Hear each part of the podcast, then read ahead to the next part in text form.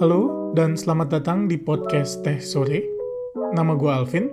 Di sini gue bakal ngomongin hal-hal yang berkaitan dengan kesehatan mental, self-help, dan kehidupan sehari-hari. Selamat mendengarkan.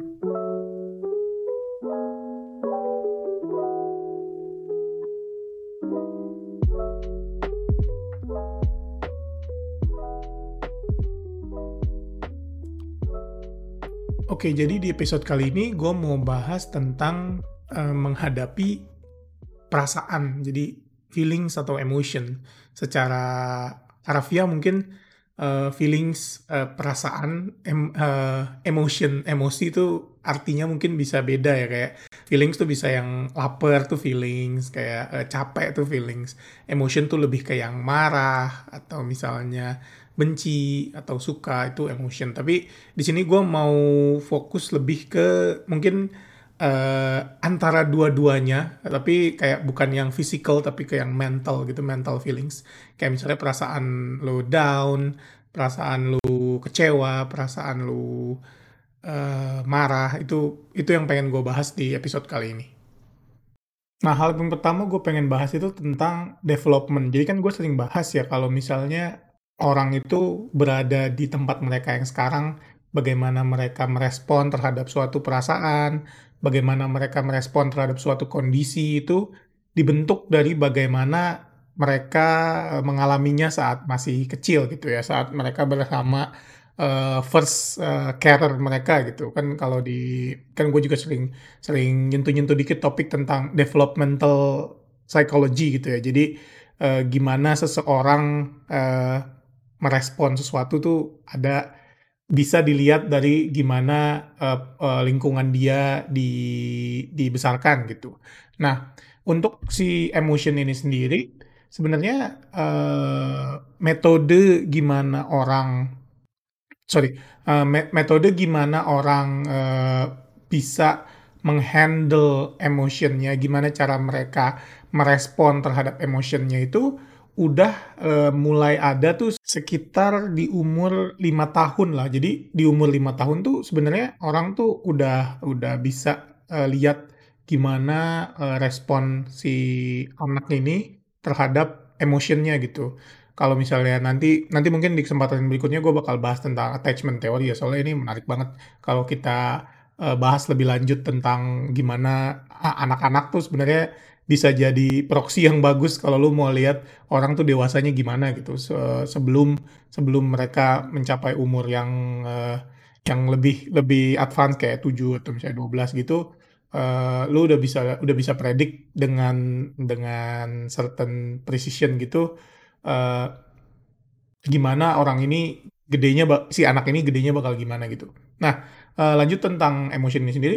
Uh, jadi di umur lima tahun ini kan jadi anak-anak tuh udah bisa mulai proses uh, tentang grief, tentang loss, tentang hal-hal yang mereka bisa dapat, tentang hal-hal yang mereka nggak bisa dapat gitu.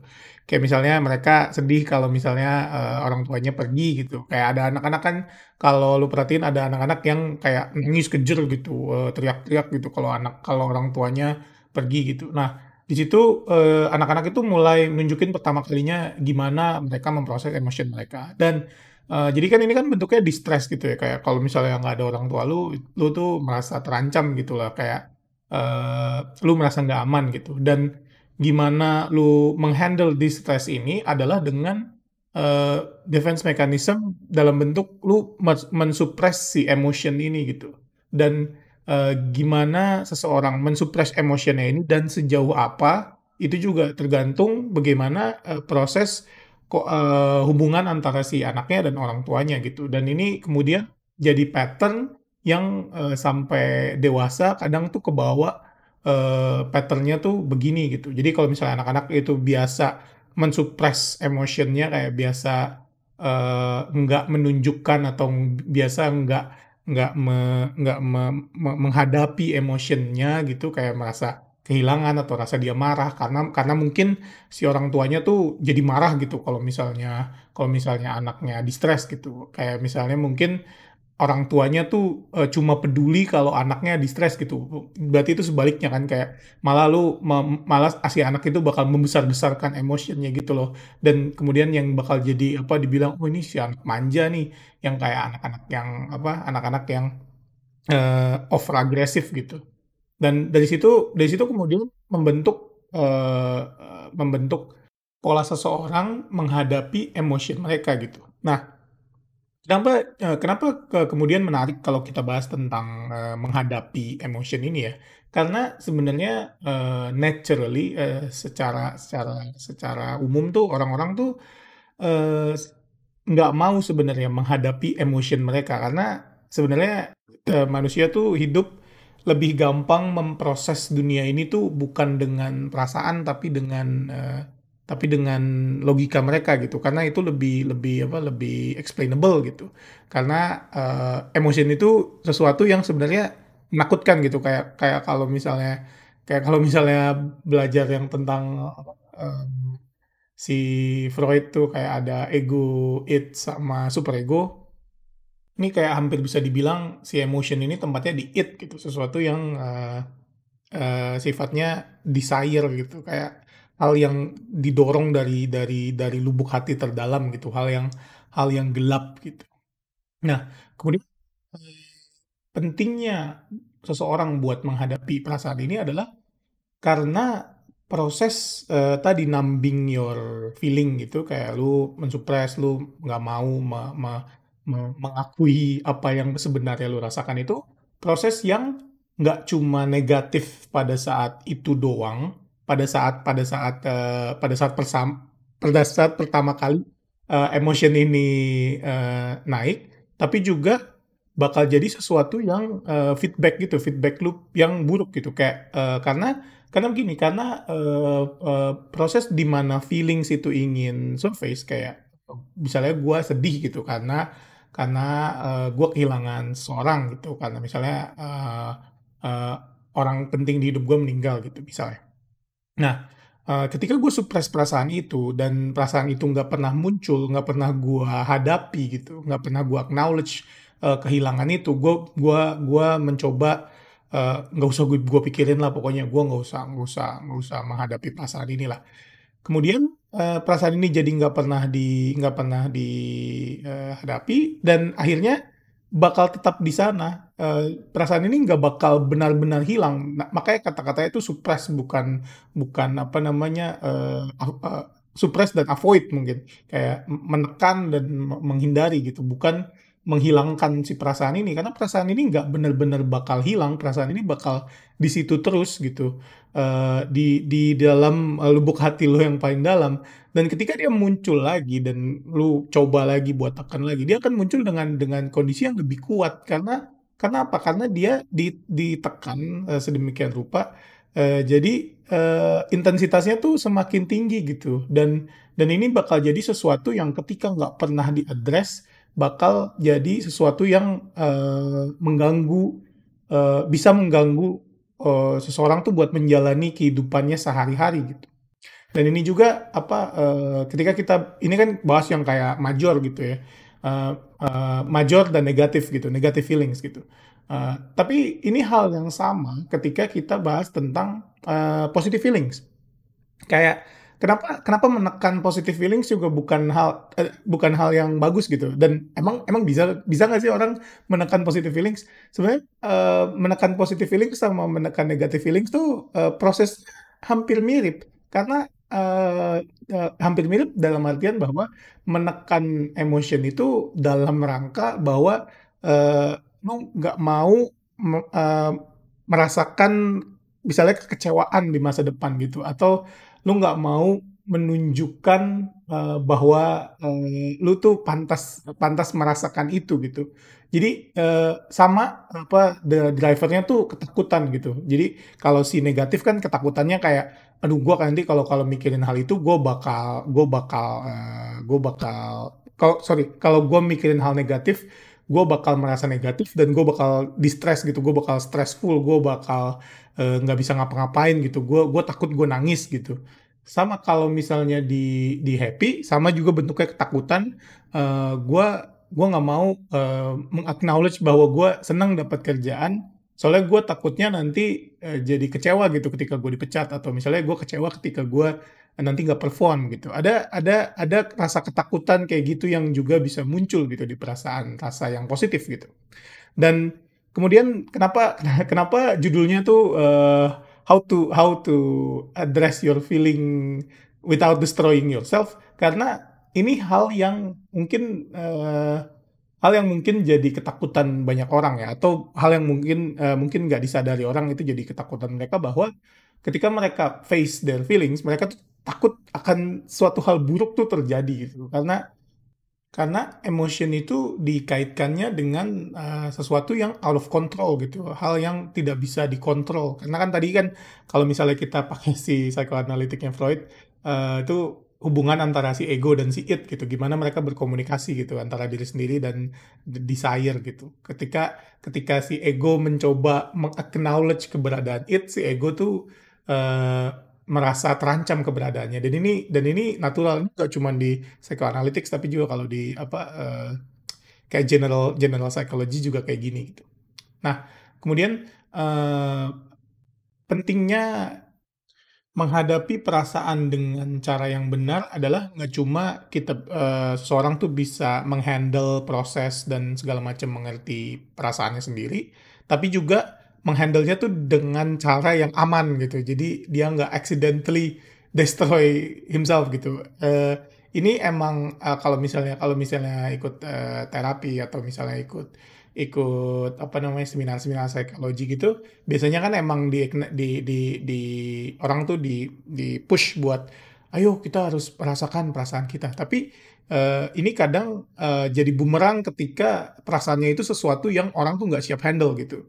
Jadi misalnya perasaannya ter, uh, apa suatu hal itu terlalu besar gitu buat dihandle sendiri atau dihandle secara keseluruhan gitu. Itu bisa bisa bisa fatal gitu. Bisa bisa si orang ini bisa regres ke tempat yang lebih buruk daripada dia sekarang ketika dia mensupres perasaannya gitu. Dan kalau udah regres ke poin itu uh, orang tuh bakal jadi sulit buat dibawa lagi ke atas gitu, bawa lagi ke, ke tempat yang di mana dia ingin berada gitu. Nah, kemudian uh, si emotion ini sendiri meskipun ada yang positif, ada yang negatif, juga ada yang healthy dan unhealthy gitu, yang adaptif dan maladaptif disebutnya. Nah, semua perasaan itu baik yang positif maupun yang negatif itu punya sisi adaptif dan maladaptifnya. E, kasih contoh misalnya e, marah misalnya. Marah tuh bisa jadi sesuatu yang agak adaptif ketika misalnya kita marah karena uh, seseorang mengkritik karya kita gitu karena uh, kita udah capek-capek buang buang buang energi kita udah capek-capek uh, berpikir kita udah capek-capek menghasilkan itu tapi ada orang yang mengkritik atau ngata-ngatain gitu. Terus kita marah dan kita bikin karya yang lebih bagus gitu di di kemudian hari gitu. Itu contoh yang adaptif. Nah bisa juga marah tuh jadi sesuatu yang malah adaptif Uh, misalnya kita tadi misalnya kita karya kita dikritik uh, sama orang, terus instead of uh, uh, improve karya kita, tapi kita malah jadi uh, males bikin karya gitu. Malah kita uh, spend waktu kita buat debat sama orang itu gitu, betapa bagus ya karya kita gitu. Itu contoh marah yang malah adaptif. Nah, jadi uh, uh, pattern ini tuh ada buat semua perasaan baik positif maupun negatif. Cuman di perasaan negatif maladaptif pattern tuh biasanya lebih sering terjadi daripada di perasaan positif. Dan ini bukan berarti uh, emotion yang positif tuh nggak ada maladaptif patternnya. Misalnya kayak perasaan senang itu bisa diasosiasikan dengan lu tuh uh, nggak nggak ingin nggak nggak berusaha untuk uh, lebih keras lagi gitu. Lu jadi complacent gitu.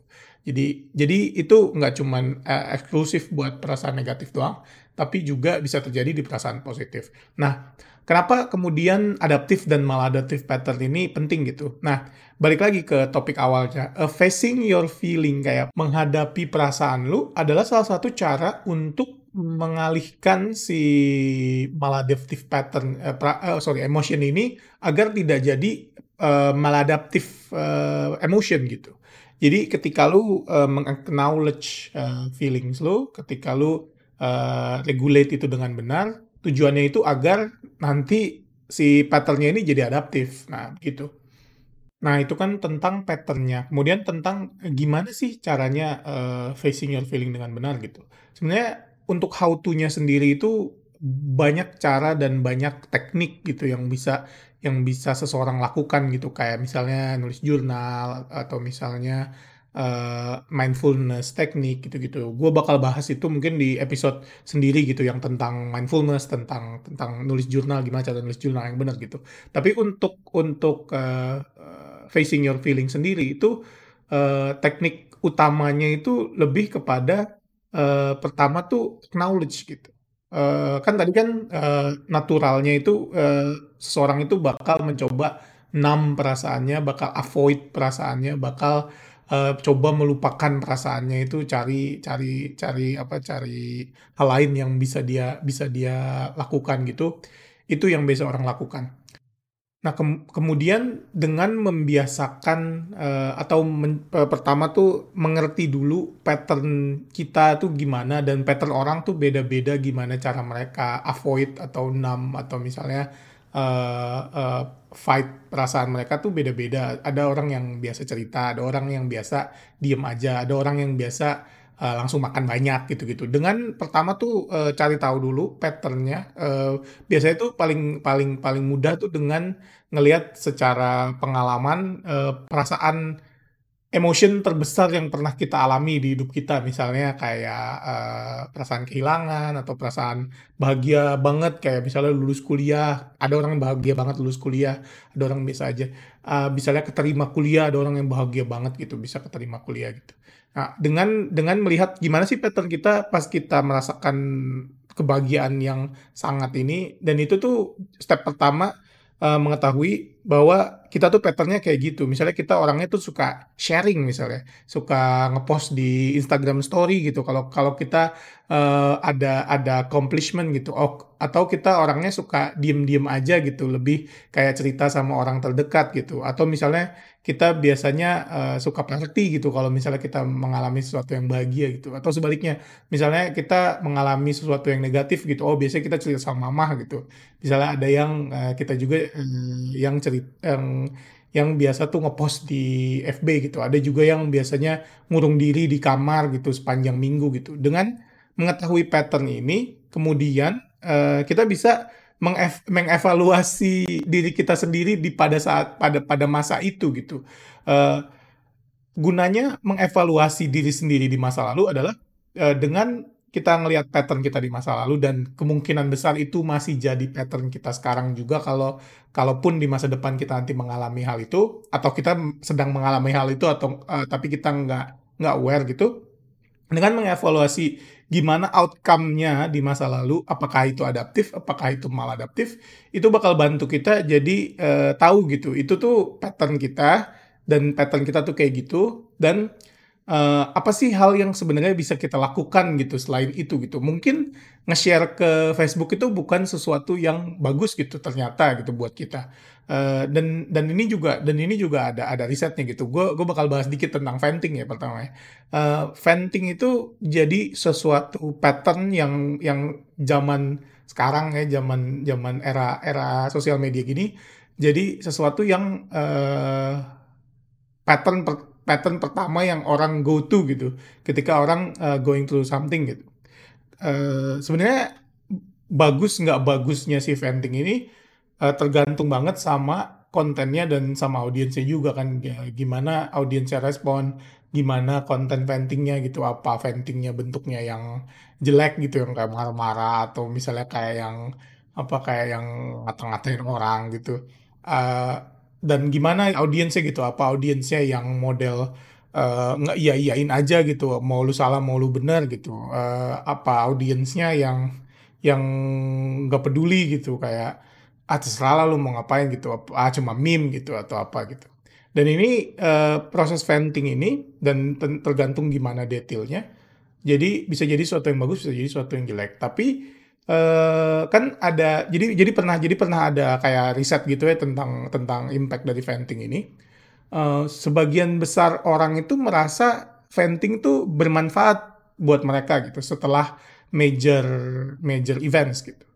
Cuma ternyata meskipun mereka merasa merasanya lebih baik, ternyata se semakin semakin besar orang venting, semakin buruk juga uh, skor mereka di uh, metrik-metrik yang lain gitu. Misalnya metrik kayak post traumatic post traumatic uh, questionnaire gitu misalnya atau enggak depression questionnaire gitu. Jadi mereka merasanya mereka lebih baik, tapi sebenarnya over time itu mereka merasa lebih buruk gitu dengan mereka venting. Dan ini uh, bisa bisa jadi macam-macam gitu. Jadi kayak venting yang kurang bagus atau segala macam. Tapi in general uh, venting itu bukan uh, bukan sesuatu yang 100% bisa bagus gitu. Dan ini suatu hal yang mungkin di psikologi juga uh, mereka tuh mencoba uh, meretract menarik kembali pernyataan bahwa venting itu bagus gitu karena di di di di tahun berapa 2000-an 2010-an tuh uh, ada proses-proses uh, terapi tuh yang kayak udah lu banting aja barang apa lu pukulin aja apa kayak pukulin aja kayak benda-benda apa gitu. Yang mereka tuh menganggapnya oh pokoknya venting asal bisa venting udah bagus gitu. Tapi ternyata enggak ternyata venting tuh cuman feel good pada saat lo venting doang tapi setelah itu ceritanya bisa lain gitu. Nah itu itu kan cuman salah satu dari banyak hal yang bisa orang lakukan gitu ya buat buat face that feelings. Dan apa uh, balik lagi uh, poinnya tuh bukan caranya sebenarnya. Caranya tuh bisa macam-macam. Kalau lo Google how to accept my feeling tuh bisa lo dapat jawabannya bisa 10 20 macam gitu. Dan dan pilih orang bisa pilih lah mana yang lebih cocok buat mereka lah. Mungkin uh, meditation mungkin apa segala macam. Tapi pada intinya menurut gue ya menurut gue pada intinya adalah uh, uh, pattern mengenali pattern itu sendiri pertama itu hal yang paling penting Uh, itu itu kan proses rasionalisasinya gitu. Nah, tapi second stepnya itu yang juga nggak kalah pentingnya adalah menerima bahwa itu adalah uh, diri lu gitu, bahwa perasaan itu adalah perasaan yang muncul dari diri lu gitu, nggak nggak menolak bahwa oh enggak itu gue dulu kayak gitu, oh enggak gue sebenarnya nggak kayak gitu, gue orangnya tuh nggak pemarah gitu, gue tuh orangnya nggak pembenci gitu Uh, dengan dengan lo menerima bahwa itu adalah bagian diri lo dan uh, menerima bahwa itu adalah juga perasaan yang valid gitu yang yang lo punya. Misalnya lo benci banget sama orang karena dia karena dia orangnya kotor gitu, jorok gitu. Dan tapi lo lo nggak mau jadi orang yang kas jadi orang rude gitu kayak apa sih masa gue masa gue dengan dia jorok aja gue terganggu gitu itu tuh uh, proses gimana lu menolak bahwa itu tuh bukan diri lu tapi dengan menerima bahwa oh iya gue benci sama orang itu karena dia jorok. Tapi kemudian uh, menerima bahwa oh iya gue gua gua gua tahu kenapa gue benci sama dia gitu. Jadi kita me memberi nama atau memberi bentuk uh, kenapa kita benci dia gitu. Da, karena yang terjadi adalah ketika kita nggak melakukan itu kita kita menutup bahwa nggak gue nggak benci orang karena itu. Bisa di kemudian hari ada kejadian di mana misalnya orang itu melakukan kesalahan gitu. Dan karena kita nggak tahu kenapa kita benci sama dia kita nggak pernah beri nama atau beri bentuk kenapa kita benci sama dia kita jadi unjustifiably itu uh, benci mereka karena karena orangnya aja gitu. Jadi benci orangnya karena benci orangnya aja gitu. Misalnya kayak uh, lu tiba-tiba uh, karena karena kerjaan dia uh, ngaret gitu lu jadi lebih marah jauh lebih marah ke dia. Kalau misalnya daripada ketimbang orang lain gitu. Padahal lu lu tuh benci sama dia tuh bukan karena dia kerjanya jelek gitu. Cuman mungkin karena dia have a bad day aja gitu. Dia tuh uh, waktu itu kerjanya jelek gitu. Tapi sebenarnya karena karena dia orangnya jorok lu jadi bencinya tuh berlipat-lipat ganda gitu dan karena lu nggak pernah tahu jadinya uh, jadinya prosesnya tuh malah adaptif. Nah, ini yang tadi uh, kenapa penting uh, me mengenal mengacknowledge perasaan kita itu balik lagi uh, agar prosesnya tuh jadi adaptif agar agar uh, apa hal yang lo rasakan itu jadi hal yang bisa membuat diri lo lebih baik atau paling nggak nggak jadi lebih buruk lah gitu. Kemudian step berikutnya adalah gimana uh, lo express emotion ini gitu dalam bentuk apa gitu. Uh, dan expressing emotion ini jadi bagian penting dari setnya tadi kan satu udah acknowledge, accept, ex, yang ketiga ini express karena uh, si emotion ini harus tergambarkan dengan sesuatu gitu agar agar uh, diri lo dan mungkin lingkungan lo juga kalau misalnya emotion lo berkaitan dengan lingkungan lo bisa membantu emotion ini menjadi uh, adaptif gitu. Jadi kan tujuannya emang mengubah emotion menjadi sesuatu yang adaptif ya.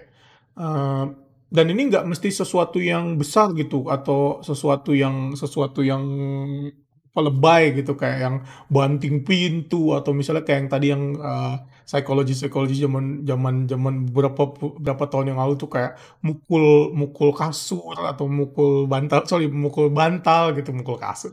Uh, atau misalnya harus yang online main game nembak nembakin orang dulu gitu nggak nggak nggak harus kayak gitu. Uh, si expressionnya ini itu juga harus uh, berkaitan langsung sama emotionnya. Misalnya kayak tadi kan lu kayak benci orang ini karena dia karena dia jorok gitu.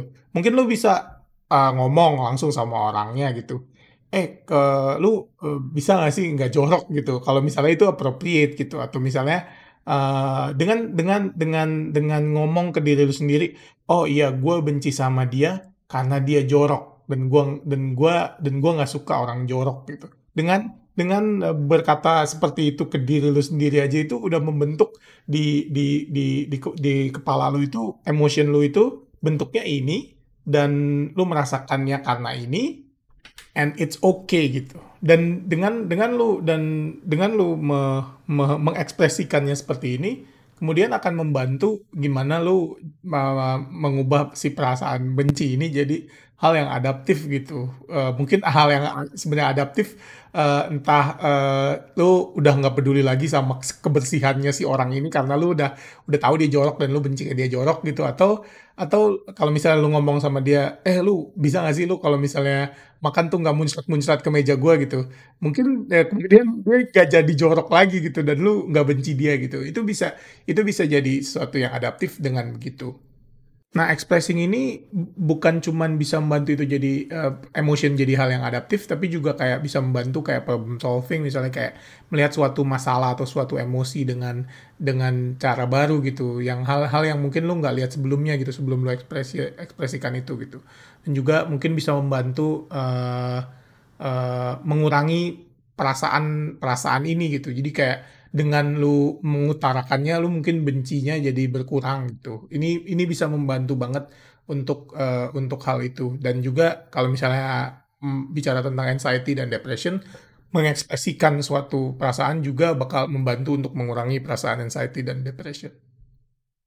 Nah udah itu jadi itu tiga tadi gitu main stepsnya gimana uh, lu bisa. Sebenarnya ada step keempatnya tuh regulate gitu karena setelah lu express uh, kemudian di kemudian hari lu merasakan lagi tuh lu bisa regulate gitu. Tapi menurut gue dengan tiga hal itu aja lu udah otomatis otomatis ya gue bilang otomatis karena uh, ketika di kemudian hari lu merasakan uh, emotion yang lainnya ketika lu membiasakan diri dengan tiga step ini kayak acknowledge, accept, dan express, itu lu akan melatih diri lu sendiri bagaimana bisa meregulate uh, emotion lu di kemudi di di berbagai di berbagai kesempatan lah. Dan tergantung seberapa intense emotionnya itu juga proses tiga proses ini bakal jadi lebih sulit gitu. Dan ini ini adalah pentingnya latihan gitu. Sama sama kayak sama kayak semua hal gue gue selalu mengulang-ulang ini mental mental fortitude itu sesuatu yang dilatih ya. Jadi jadi nggak cuman nggak cuman badan doang yang lu olahraga, lu lu uh, dan nggak cuma nggak cuma otak doang gitu yang perlu diasah gitu kayak lu belajar. Gitu. Tapi juga gimana lu meregulate perasaan lu, gimana lu memproses dunia ini, gimana lu ber, ber, berinteraksi dengan dunia dunia ini itu juga sesuatu yang bisa dilatih gitu. Nggak ada orang yang terlahir tuh bisa bisa melakukan segalanya gitu bisa langsung wah langsung jago gitu meregulate emotionnya gitu segala macam tuh nggak ada. Semua orang tuh belajar dari uh, first carer mereka gitu ya. Nanti gue bahas deh yang tentang tentang attachment theory ya. Uh, tapi itu tadi uh, dengan berlatih itu bakal membantu lu buat jadi lebih baik dan membantu lu juga untuk uh, me menghadapi diri lu sendiri utamanya dan dan juga menghadapi bagaimana lu memproses dunia ini. Oke, okay. uh, eh, menurut gue uh, uh, bagus banget nih gue gue tutupnya di sini pas uh, 30 menit juga. Uh, terima kasih uh, udah dengerin episode kali ini. Uh, kalau lu punya pertanyaan, uh, cerita atau misalnya topik yang pengen lu bahas, kirim email ke tesorepodcast@gmail.com. Uh, gue Alvin undur diri. Sampai jumpa di episode berikutnya.